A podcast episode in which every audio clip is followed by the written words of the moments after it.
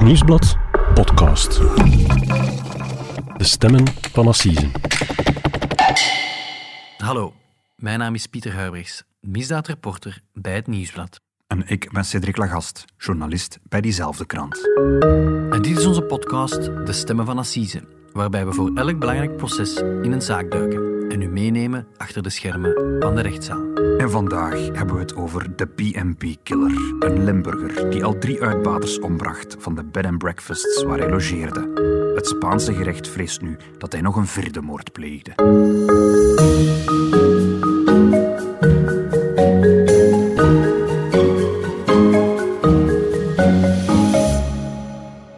Cedric, goedemorgen. Dag Pieter. Welkom terug uh, na de kerstvakantie. Absoluut. Voor onze eerste aflevering uh, van het nieuwe seizoen Stemmen van Assise moeten we naar Spanje kijken, denk ik. Want in Spanje uh, was er een paar dagen geleden groot nieuws. Ja. Um, er is een, ja, allicht een Belgische seriemoordenaar opgedoken. Een, een seriedoder die een zeer specifiek publiek uitkoos. Ja, het is iemand waar, waar jij en ik al, al, al vaker hebben over geschreven. moeten we er meteen ook bij zeggen. Het is iemand waar we al tien jaar artikels over schrijven. Mm -hmm. um, hij noemt hier in de kranten de B&B killer, de bed and breakfast killer, omdat dat het publiek was. Al zijn slachtoffers waren, waren uitbaters van bed and breakfasts, de, de, de bed and breakfasts waar hij, dat hij logeerde. Um, maar het is ook een internationaal verhaal. Um, ook in de Franse pers hebben ze al over hem geschreven. Daar heet hij Le Tueur de Git. En nu in, in, in Spanje, de Spaanse pers heeft hem nu ook ontdekt. En daar heet hij El Assassino de Calaraga. Mm -hmm. Want uh, als ik het goed begrijp, hij is in België uh, en in Frankrijk veroordeeld al voor enkele moorden. Absoluut. Uh, nu moeten we naar Spanje, omdat ze in Spanje denken dat hij nog een vierde moord zou gepleegd hebben. En de Spanjaarden die hebben nu aan ons land DNA van, van de man gevraagd. Ja, ze hebben bijkomend onderzoek gevraagd. Um, en het, het opmerkelijke ook van heel dit verhaal is, is dat hij al die vier moorden allemaal in dezelfde tijdspanne gepleegd zou hebben. In een periode van ongeveer 50 dagen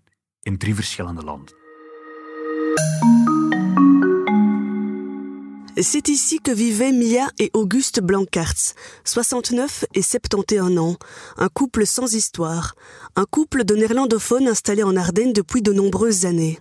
Il y a passé quatre nuits avant d'étrangler, à l'aide d'un lacet et sans mobile apparent, Mia et Auguste Blancartz le 28 novembre 2011. Cedric, we horen hier een, een, fragment van TV Luxemburg. Ja. Uh, en we moeten eigenlijk uh, terug naar het begin, als twee Belgische schoolmeisjes op een middag gaan aankloppen bij hun grootouders. Ja, het, speelt, begint allemaal in België, in Wallonië, in de provincie Luxemburg. Tien jaar geleden, in november 2011. Um, en twee tienermeisjes die gaan aankloppen bij hun oma en opa in het Waalse Grandvoire. Een piepklein dorpje um, in de provincie Luxemburg, helemaal in het zuiden van ons land. En uh, die grootouders dat waren Martijn Blankaart en Mia van Dijk, op dat moment 71 en 69 jaar oud. Dat was eigenlijk een Vlaams koppel. Die uh, waren afkomstig uit Antwerpen. Um, maar die waren na hun pensioen naar Dardenne verhuisd, uh, omdat ze van de natuur daar hielden, omdat ze van de de, de Ardense bossen. Ze gingen daar Mhm. graag wandelen. En die, die kleinkinderen die kwamen toevallig op bezoek? Nee, um, dat waren twee meisjes van 14 en 15 jaar. En die uh, woonden ondertussen ook al in, in, in, in de regio. Die waren een, eigenlijk met een moeder um, oma en opa gevolgd. Die waren daar ook gaan wonen. Niet in hetzelfde huis in de buurt? Nee, in, in hetzelfde dorp wel, denk ik. Niet in dezelfde buurt. Maar um, het was wel de gewoonte dat opa en oma hen elke middag van school gingen gaan afhalen. Omwille van Wallonië, grote afstanden. Hier kun je met de fiets of te voet naar huis. Daar ging dat niet. Dus oma en opa kwamen die van school afhalen. Nu, de maandag was dat niet gebeurd. De maandag waren opa en oma niet opgedaagd. Maar bon, geen ramp. Maar de dinsdag ook al niet meer. Dus die meisjes moesten voor de tweede keer aan een buurvrouw vragen van mogen wij met de auto meerijden met jullie? En uiteindelijk de dinsdag hadden ze ook gezegd zet ons eens af van opa en oma. We gaan daar eens gaan bellen, want ja, ze zijn twee dagen niet geweest. We kunnen ze ook niet bereiken via de telefoon. Um, ja, we maken ons toch wat zorgen. Ze gaan langs de achterdeur binnen, ze gaan naar het huis, ze gaan langs de achterdeur binnen. Ze roepen hallo opa, hallo oma. Geen reactie. Ze zien dat de deur van de gang open staat, wat ook al blijkbaar zeer vreemd was. En dan, zo hebben ze later verteld op het assiseproces, eh, zagen ze een bril op de grond liggen. En dat was de bril van hun oma. Toen wisten ze al van, hier klopt iets niet. Um, ze zagen ook iets wat een beetje op een bloedvlek geleek. En een van hen duwt nog de deur van de slaapkamer over en ze ziet daar haar oma liggen, dood, tegen de kast. Ze vinden dus een bloedvlek, dus alles wijst erop, ze is neergestoken. Wel, uiteindelijk niet, nee. want de grootmoeder was gewurgd met een soort van schoenveter. Zo, zo is later eh, gebleken. En die, die veter was ook nog aan de klink van de kast vastgebonden. En die meisjes beginnen natuurlijk te schreeuwen. Ze hadden de, de buurman erbij. De buurman vangt dan een beetje op. Ehm, hij had zijn vrouw er ook bij. En uiteindelijk is het die buurman die nog alleen verder het huis binnengaat en op de benedenverdieping, helemaal beneden in het huis, ook nog het, het lichaam van een man ontdekt. En dat is dan het lichaam van Martijn Plankaart, uiteraard. Je zou kunnen denken van, ja, dat is dan een, misschien een klassiek familiedrama. Hoe, hoe maken ze het onderscheid tussen... Oei, het is geen familiedrama, het is eigenlijk een dubbele moord. En wel, zo was het ook wel een beetje geanceneerd eigenlijk, want die oma ligt in de slaapkamer, gewurgd eigenlijk, maar, maar die veter hangt aan, aan de kast vast. Ook, ook bij, die, bij haar man was het zo'n beetje geanceneerd als, als, als zouden het twee suicides zijn. Ehm, er waren geen, geen sporen van inbraak. Er was ook, waren ook geen sporen van geweld, geen ruzie, geen gevecht geweest. Dus op het eerste zicht lijkt het daarop. Eh, maar dan, als de recherche erbij komt, doen ze toch wel ehm, een aantal rare vaststellingen. De auto van het koppel is weg wat ongebruikelijk is. Maar ook hun computer is weg en ook het geld is weg. Dus ze hadden eigenlijk een bed and breakfast in hun huis, uiteraard. En eh, de, de, de vrouw Mia hield een, een, een kleine kassa daarvan bij, een klein ijzeren kistje. En ook dat bleek verdwenen te zijn. Dus we schuiven op in de richting van een, van een dubbele roofmoord. Voilà, en daardoor concluderen ze uiteindelijk van... ehm, Moet een derde bij betrokken voilà.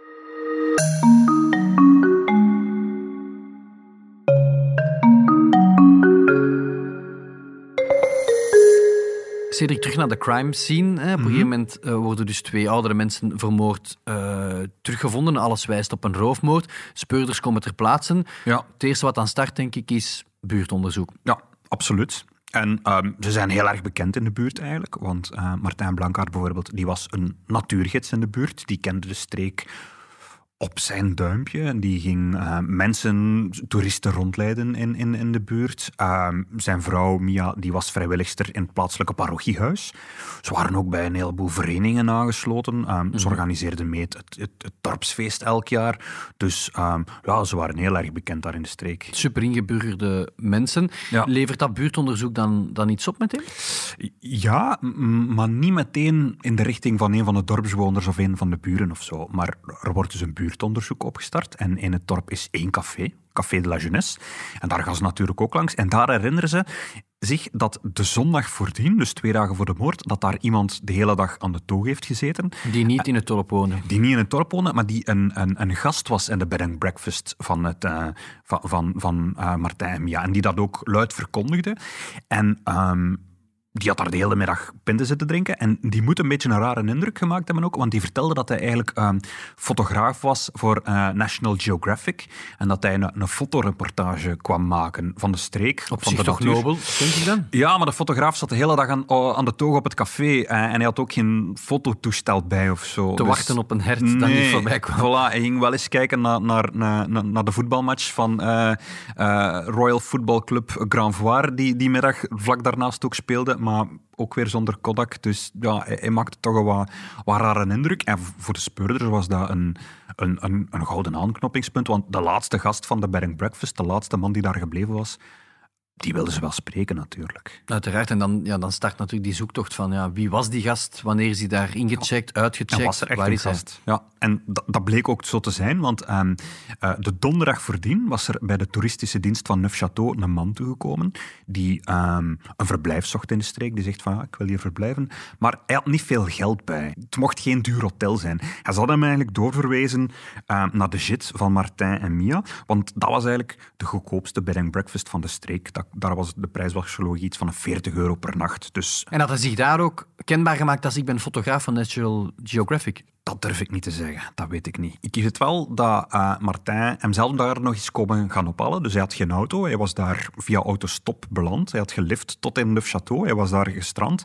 En de toeristische dienst had naar Martijn gebeld en die was Meteen in zijn auto gesprongen Voilà, en hem direct gaan gaan, komen ophalen van kom maar, ik, ik kom u wel halen en zo. Ehm, en bo, die man was vier dagen bij het koppel verbleven. Overdag ging hij wandelen in de bossen. Of aan de toog van het café zitten natuurlijk. S'avonds had hij samen met het koppel. En bo, hij zou ehm, de maandagochtend daarvoor weer vertrokken zijn. Mhm. Is natuurlijk de, de uitdaging voor de speurders, ja, wie is die man dan? Want ik ja, staat zijn naam dan in het gastenboek? Uh, is er een foto van zijn paspoort gevonden? Ze hebben een naam, ze hebben een, en ze hebben een, een, foto van de man ook, maar het is heel moeilijk om hem te vinden, want um, hij heeft geen vast adres. Is nergens ingeschreven eigenlijk. En um, als ze een spoor naar hem zoeken, blijkt dat hij uh, eigenlijk het hele land doorkruist. Dat hij overal opduikt. Um, bijvoorbeeld, om iets te zeggen, de auto van het koppel is verdwenen. Die auto duikt plots op in Brugge. Helemaal de andere kant van België. Dat is een cruciaal spoor ook voor de speurders. Ja, ja. en de computer van het, uh, van het koppel is ook verdwenen. En die duikt dan plots op in Oostende. In een winkeltje van tweedehandspullen heeft iemand die, die, die laptop aangeboden, die computer aangeboden en verkocht voor 150 euro. Dus um, ja, ze zijn op zoek naar iemand, ze weten wie het is, maar ze hebben echt geen, compleet geen aanknopingspunt waar hij zou kunnen zitten.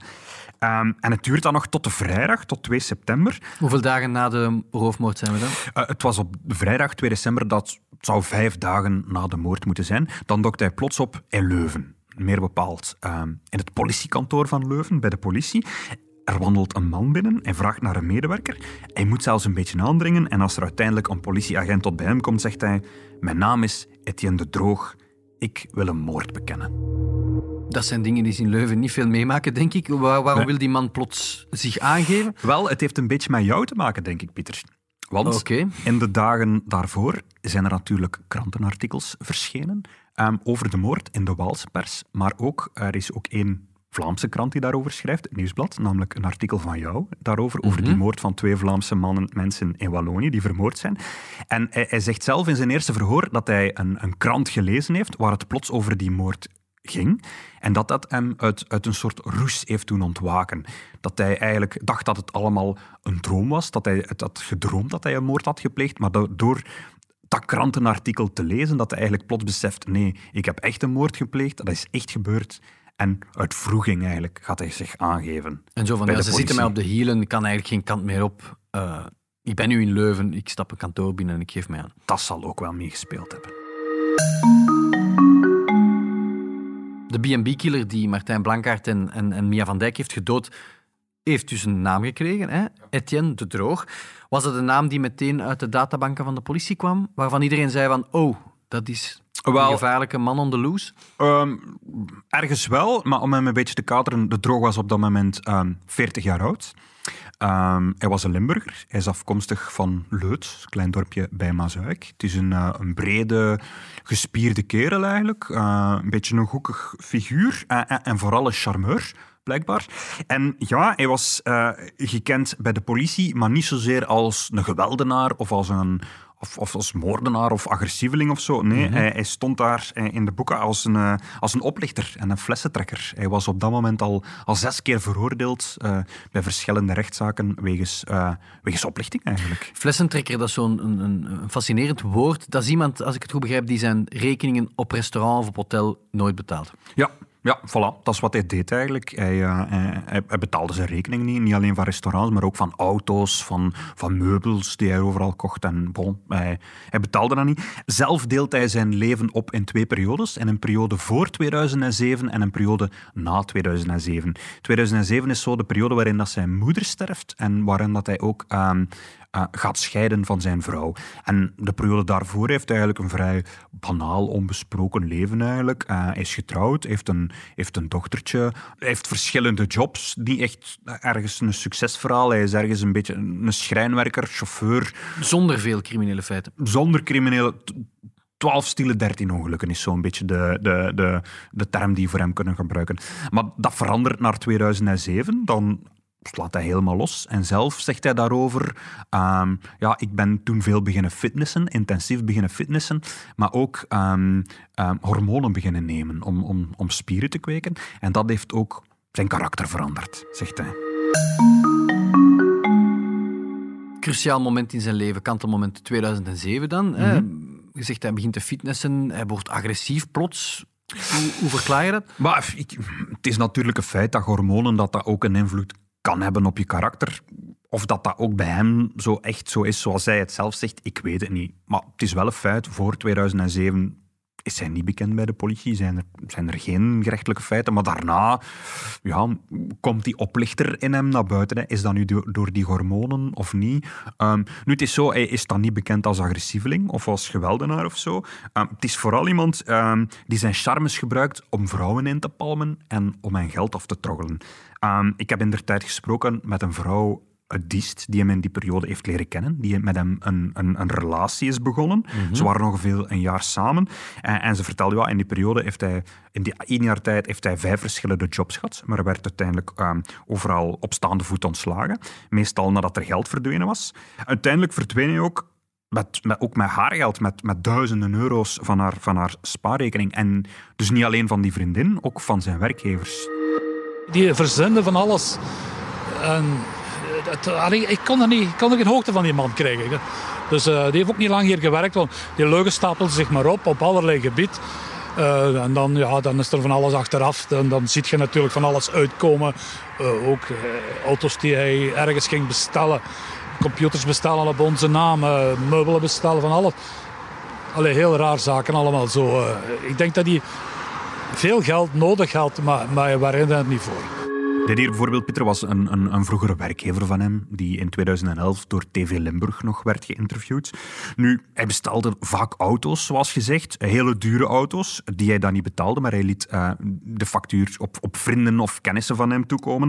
Uh, hij deed dat ook uh, met meubels. En in september 2010 liet hij zelfs zichzelf opnemen in een psychiatrische instelling in Brugge omdat het totaal fout aan het lopen was? Wel, nee. Hij liet zich vrijwillig opnemen. Niet omdat hij meende dat er iets met hem scheelde, maar wel omdat hij wel wist dat daar veel kwetsbare mensen rondliepen.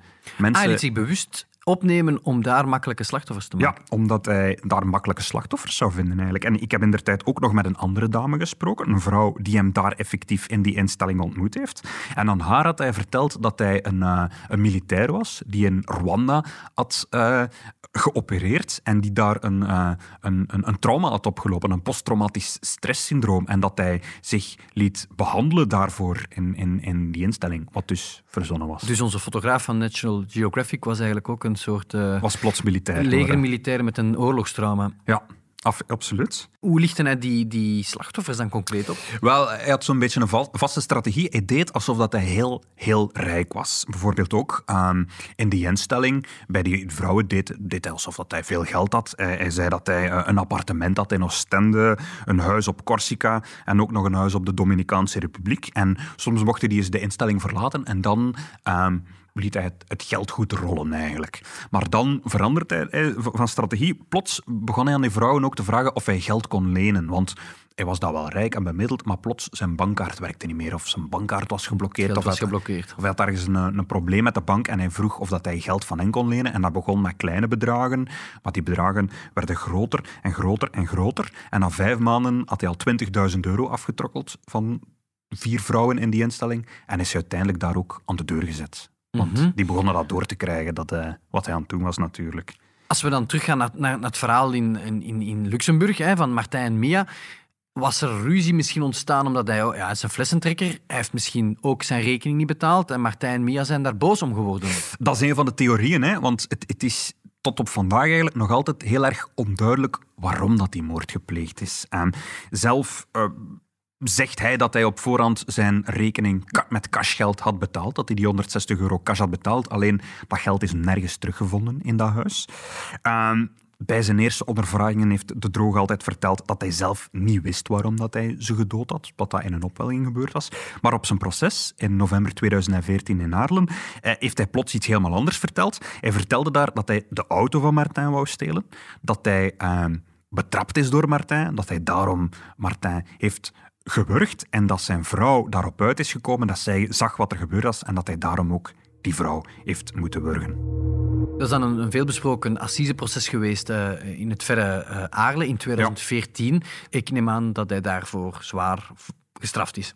Ja, dat klopt. Uh, door gerechtspsychiaters is hij daar bestempeld als een uh, morbide egocentrist en een ziekelijke mythomaan. Hij heeft zelf ook het laatste woord gekregen, zoals gebruikelijk is op assiseprocessen. Daar heeft hij gezegd, uh, ik heb geen antwoord op de vraag waarom dit gebeurd is. Elke dag vraag ik me af hoe ik zo'n krapul ben kunnen worden. Hij heeft daar ook zijn excuses aangeboden aan de nabestaanden. Maar bon, het, het heeft niet veel opgebracht voor hem. Hij is veroordeeld tot levenslange opsluiting voor de moord op Martin Blankaert en Mia van Dijk.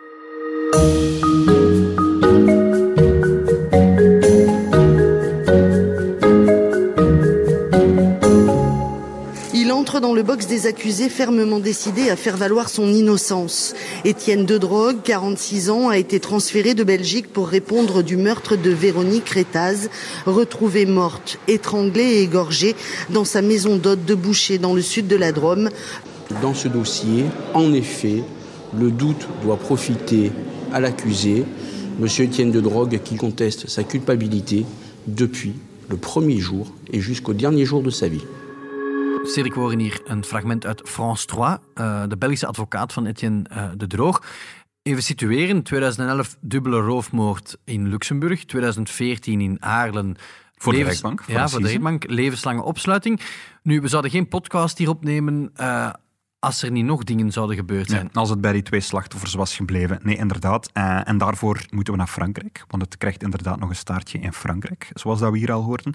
Eigenlijk... Um, nadat hij werd buitengegooid in de Brugse kliniek, trekt hij naar Frankrijk. In de zomer van 2011 um, duikt hij op in, in het zuiden van Frankrijk en hij reist daar rond in de streek van bed and breakfast naar bed and breakfast, waar hij zich overal aanmeldt als zijnde een fotograaf die foto's komt uh, nemen in de streek. Ook weer National Geographic. Absoluut, absoluut. Uh, soms zegt hij zelf ook dat hij militair is die uh, in de streek met vakantie is.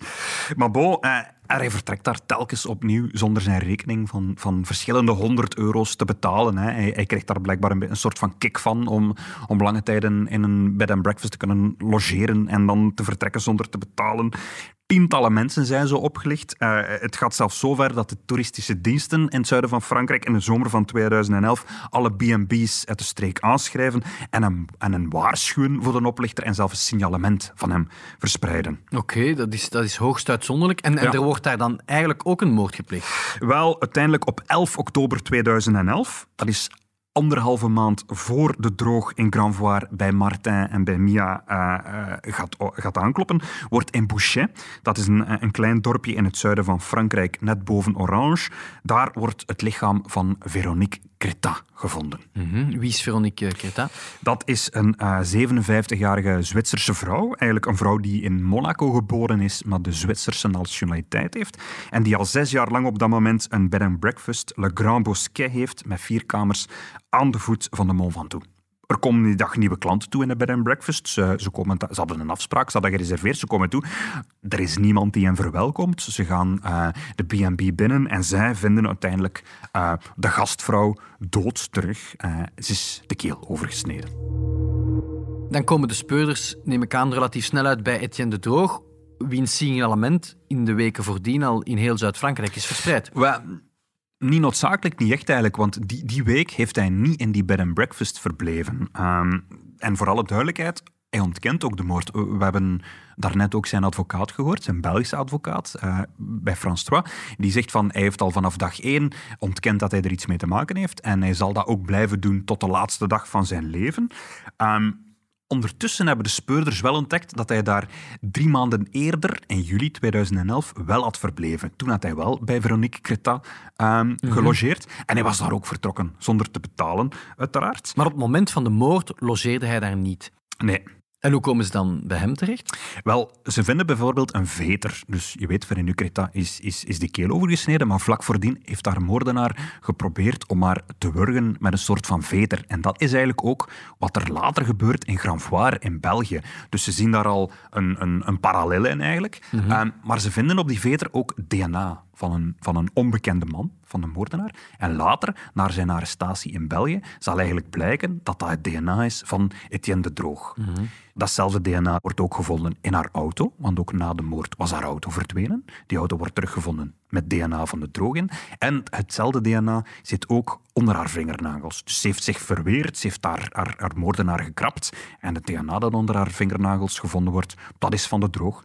En ook na de moord wordt er met haar bankkaart geld afgehaald. En een camera vlak bij die bankautomaat filmt eigenlijk iemand die heel erg hard gelijkt op Etienne de Droog. Mhm. Wat ik nog wel niet begrijp in dit verhaal is, hij heeft er dan in de maanden voordien gelogeerd. Mhm. Waarom is hij teruggekeerd naar mevrouw Creta? Wel, hij was daar in juli vertrokken zonder te betalen. Hij had gezegd, ah, ik ga even geld afhalen om mijn rekening te, te, te, te betalen. Heeft hij uiteindelijk niet gedaan. Maar hij had wel een, een horloge in onderpand gegeven. Hier, je mag mijn horloge in onderpand hebben. Ik kan ondertussen geld zoeken. Ehm, die horloge bewaarde Creta in haar kluis, al een klein kluisje. Daar bewaarde ze die horloge naast haar juwelen. En na de moord was die horloge plots weg. Dus hij is die terug gaan halen. Dat is de piste, hè. dat is de theorie van het Franse gerecht, dat hij is teruggekeerd voor die horloge, dat daar ruzie over gemaakt is en dat dat uiteindelijk daar de eerste moord gepleegd is. Dat dat de aanzet is geweest voor die eerste moord.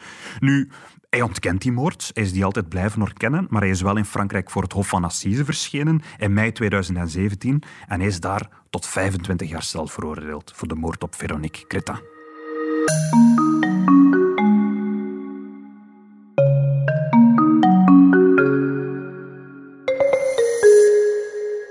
Etienne de Droog, de man uit Leut in Maasmechelen die vastzit in ons land voor moord, wordt nu ook gelinkt aan de dood van een Spaanse visser. Na het Belgische en het Franse beschuldigt nu ook het Spaanse gerecht hem van moord. Dat zou betekenen dat de Droog vier moorden in amper 50 dagen tijd gepleegd heeft. We hoorden hier een eh, fragment van TV Limburg. En het is de reden, Cedric, dat wij hier eh, zitten voor onze podcast. Hè, omdat er nu ook in Spanje een moord aan hem gelinkt wordt. Ja, dat klopt. Hè. En het gaat nog altijd over dezelfde periode, oktober-november 2011. En ehm, dit keer niet in België of in Frankrijk, maar helemaal in Spanje, in het uiterste zuiden van Spanje zelf. Oké, vertel, wat, wat, wat is er daar gebeurd? Wel, ehm, op 16 november, en dat is, ehm, voor het, om het wat te duiden, een goede maand na het overlijden van Veronique Rota, maar nog eh, een aantal dagen voor hij eh, in Grand Voir opduikt. Uh, op 16 november wordt daar in, in een natuurpark in Calaraja uh, een visser dood teruggevonden. Een 76-jarige Thomas Martinez Lopez, een onbesproken man die s'morgens een koffietje drinkt en zegt van ik ga vandaag vissen, met zijn hengel vertrekt. En later die dag dood wordt teruggevonden. En aanvankelijk denken de hulpdiensten nog, oh, hij is gevallen en slecht terug, terechtgekomen of zo. Maar uh, er komt een wetsdokter bij en die ontdekt uiteindelijk dat hij het hoofd in zijn geslagen met een steen. Was dat ook een B&B-uitbater dan? Uh, niet meteen. Dit is geen uh, bed and breakfast uitbater, uh, maar er is wel een andere opvallende gelijkenis met die eerder overlijdens die al besproken hebben. Namelijk, zijn auto is weg. Dus in Grand Voir is hij vertrokken met de auto en bij Veronique Reta is hij vertrokken met de auto. En ook hier blijkt plots de auto van de visser verdwenen te zijn. Die wordt een maand later teruggevonden ergens in de buurt. En daarin vinden de speurders DNA van een onbekende persoon en als ze die later door een internationale databank halen, blijkt dat dat DNA is van Etienne de Droog. Mm -hmm. Dus de Droog was eerst in, in Frankrijk geweest en, en dan naar Spanje afgezakt. Wat deed hij daar? Wel, het, het ziet er naar uit dat hij uh, meteen na de moord op Veronique naar Spanje is gevlucht, naar Spanje is getrokken. Hij werd daar uh, seizoensarbeider. Hij ging daar uh, sinaasappelen plukken. Uh, Ze opereren in de luwte. Ja, en die veter uiteindelijk, waarmee dat Martin en Mia um, gewurgd zijn, dat is eigenlijk het touwtje waarmee dat de jutte zakken van de sinaasappelen worden toegebonden. Hij had na zijn vertrek in Spanje één zo'n zo'n veter bijgehouden. Hij, hij, hij, droeg die rond zijn pols als een soort van armbandje. Mm -hmm. uh, hij heeft het ook niet zo heel lang uitgehouden naar in Spanje, ongeveer een maand. Na een maand is hij daar weer vertrokken en uh, is hij terug naar België gelift in een Poolse vrachtwagen. Oké, okay. hoe kunnen die speurders hem dan linken aan die moord? Ja, je ziet natuurlijk met DNA in die auto, dat is een sterke aanwijzing, maar dat is geen bewijs natuurlijk. En Etienne de Droog ontkent het ook opnieuw. Hij ontkent opnieuw dat hij die moord gepleegd heeft. En hij heeft zelf een uitleg voor die DNA in, in die auto. Hij zegt, ik heb in die periode in Spanje um, gelift. Ik had geen auto, ik moest me verplaatsen door te liften. En ik ben ooit door die visser meegepikt geweest. Hij zag me staan langs de kant van de weg. Hij heeft gezegd, ah, rij maar mee. Dus ja, ik heb in die auto gezeten. Het is niet ongebruikelijk dat mijn DNA in die auto kan gevonden worden. Zou een plausibele uitleg kunnen zijn. Als ja, er- en die visser is er niet meer om hem tegen te spreken, natuurlijk. Hè. En eh, het Spaanse gerecht heeft de droog eigenlijk al in 2015 discreet in verdenking gesteld van de moord, op basis van dat DNA-spoor in die auto. Eh, maar ze hebben hem nog altijd niet berecht. Hij is nog altijd niet voor de rechtbank gekomen. Eh, hij is afgelopen zomer nog eens ondervraagd via videoconferentie. Want Dus- hij zit niet in Spanje in de gevangenis. hij zit in Luik in de Lantijngevangenis. En vanuit die gevangenis is hij via een, een computerverbinding ondervraagd door een onderzoeksrechter in Spanje over de moord. Maar hij ontkent nog altijd dat hij er iets mee te maken heeft. Mhm. Ja, we zijn intussen zeven jaar later. Mhm. Verwacht jij dat er nog een proces komt dan? Maar ik- ik denk dat het Spaanse gerecht er wel van overtuigd is dat hij die moord gepleegd heeft. Dat hij Ook de gezien zijn, eh, zijn vorige en latere daden. Voilà, gezien, gezien die andere moorden die gepleegd zijn, Mhm. de modus operandi ook een beetje. Maar natuurlijk, ervan overtuigd zijn is niet genoeg. Je moet dat ook kunnen bewijzen. Bij het Spaanse gerecht kunnen ze op dit moment eigenlijk nog niet bewijzen dat hij op dat moment, op die bewuste dag, op die plek was, dat hij daar was. Er is namelijk wel DNA van, die, van hem in die auto gevonden, maar DNA, daar staat geen, geen tijdslot op, daar staat geen tijdscode op, er staat geen, geen, geen uur op wanneer dat, dat, dat DNA... Dus hij kan een week voordien in die auto van die Voilà. visser Hij, gezeten hij hebben. zegt, ik heb gelift en ze kunnen dat eigenlijk niet weer leggen. Meer nog, ehm, na de moord in Granvoire hebben ze die eh bed and breakfast doorzocht. En daar hebben ze eigenlijk iets gevonden dat eh, uiteindelijk heel erg nuttig leek voor, eh, voor Etienne de Droog. Ze hebben namelijk een, een rekening, een factuur gevonden van een hotel in Benidorm op diezelfde 16 november, op de dag waarop dat die visser dood is teruggevonden. En Benidorm, dat ligt toch een goede 350 kilometer van de plek waarop dat die visser gestorven is. Dus dat klinkt... goh, je kunt dat eigenlijk op twee manieren interpreteren. Dat is, dat is veraf, maar dichtbij. Dus hij zou kunnen gevlucht zijn Wel, 300 kilometer verder. hij kan, kan in Ik kan die zijn. Kan morgens de visser eh, eh, vermoord hebben en, en dan s'avonds in een hotel in Benidorm ingecheckt hebben. Het kan. Ehm, maar tot vandaag kunnen ze dat niet, eigenlijk niet bewijzen. En meer nog, de dag erna, 17 november, wordt hij al eh, tegengehouden door de politie in Valencia. Dus dat is nog eens 100 kilometer verder. Dus ze kunnen hem wel in Spanje situeren, maar eigenlijk niet op de plek van waar die visser vermoord is. En ze kunnen hem niet op basis van camerabeelden op de autostrades in Spanje of zo linken aan die plek, dat Nee. tijdstip. Nee, en dus dat onderzoek sleept aan, sleept nu al een tijdje aan. En, en daarom heeft de, de Spaanse politie nu aan het Belgische gerecht om nog eens goed zijn DNA te bekijken. Want wat is er gebeurd? Naast die visser, op de plek waar die visser dood is teruggevonden, is er een sigarettenpeuk gevonden. En daarop zit er ook DNA van een onbekende man. Dat is niet van de rokende visser. Nee, het is niet van de visser. En op het eerste zicht lijkt het ook niet het DNA van de droog te zijn. En ze hebben nu gevraagd aan het Belgische gerecht om dat toch nog eens heel goed na te gaan of, of dat toch niet van de droog zou kunnen zijn. Dat is Klinkt wel een beetje als het, eh, de laatste kans om, om hem nog te linken aan die, aan die vierde moord. dan. Voilà.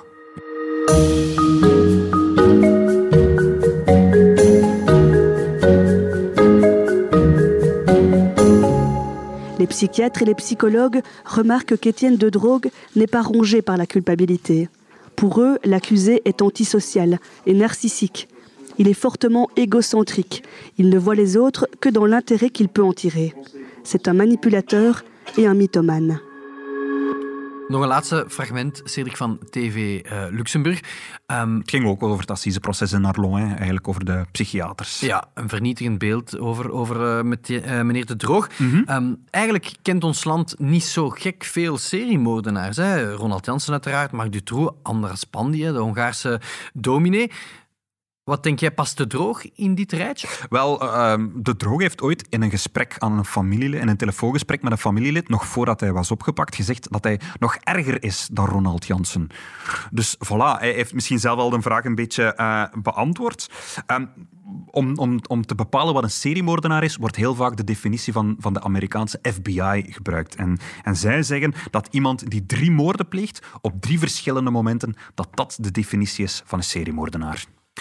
Dus Etienne de Droog is een seriemoordenaar als hij eh, veroordeeld wordt voor die Spaanse moord en anders niet. Wel, hij heeft op dit moment al drie moorden gepleegd. Dus voilà, de helft van, van de definitie is, is, is voldaan, zou je kunnen zeggen. Maar het is niet op drie verschillende momenten. Eigenlijk, Martin en Mia Blancard heeft hij op hetzelfde moment eh, vermoord. Dat wordt als één moment gezien. Dus voilà, hij, hij- hij- hij is op dit moment nog geen seriemoordenaar. Ehm, Nu, er zijn moderne criminologen die zeggen, ja, je moet verder kijken dan louter het getal. Die definitie van, van, van, van de FBI die is nogal beperkend, gewoon drie moorden op drie verschillende momenten. Zij zeggen eigenlijk, um, om een seriemoordenaar te zijn, moet er ook een psychologisch motief zijn. Dat moet zijn eigenlijk mensen die doden omdat ze daarvan genieten. Dat aspect moet er ook zijn.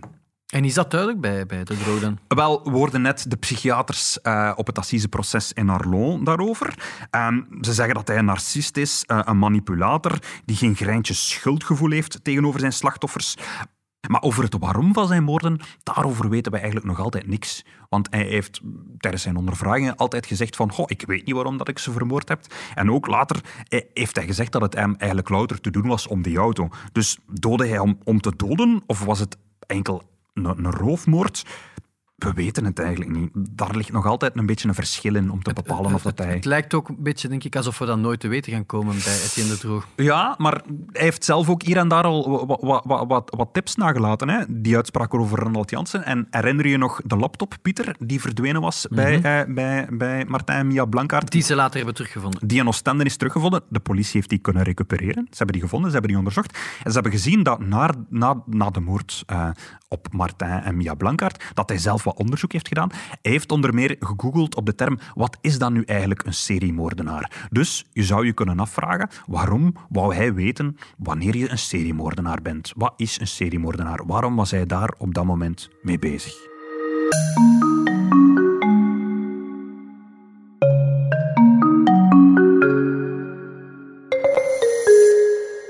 Hiermee zijn we aan het einde gekomen van uh, de eerste aflevering van uh, het kalenderjaar 2022 van De Stemmen van Assise, Cedric. Absoluut, uh, ja. Ik onthoud dat het wachten is op resultaten van het DNA um, op de sigarettenpeuk daar in, in Spanje, om te zien of, of, of Etienne de Droog ook een, een vierde moord heeft gepleegd. Ja. Daar zullen we dan misschien later op terugkomen. -hmm. en we zien elkaar terug volgende week voor een nieuwe aflevering van De Stemmen van Assise. Absoluut. Tot volgende week, Pieter. Bedankt. Dit was De Stemmen van Assisen, een podcast van het Nieuwsblad. De stemmen waren deze week van Pieter Huibrechts en van mezelf, Cedric Lagast. Onze dank gaat uit naar TV Limburg, TV Luxemburg en France 3 voor het gebruik van enkele audiofragmenten. De montage gebeurde door Pieter Schrevens van House of Media en de productie was in goede handen bij Bert Heijvaart.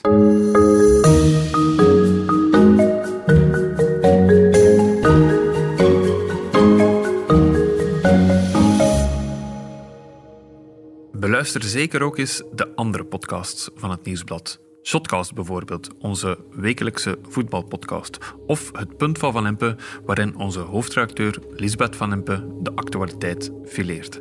We hebben ook vrolijke vrekken, die geven jou slimme besparingstips. En een nieuw seizoen van Koninklijk Bloed.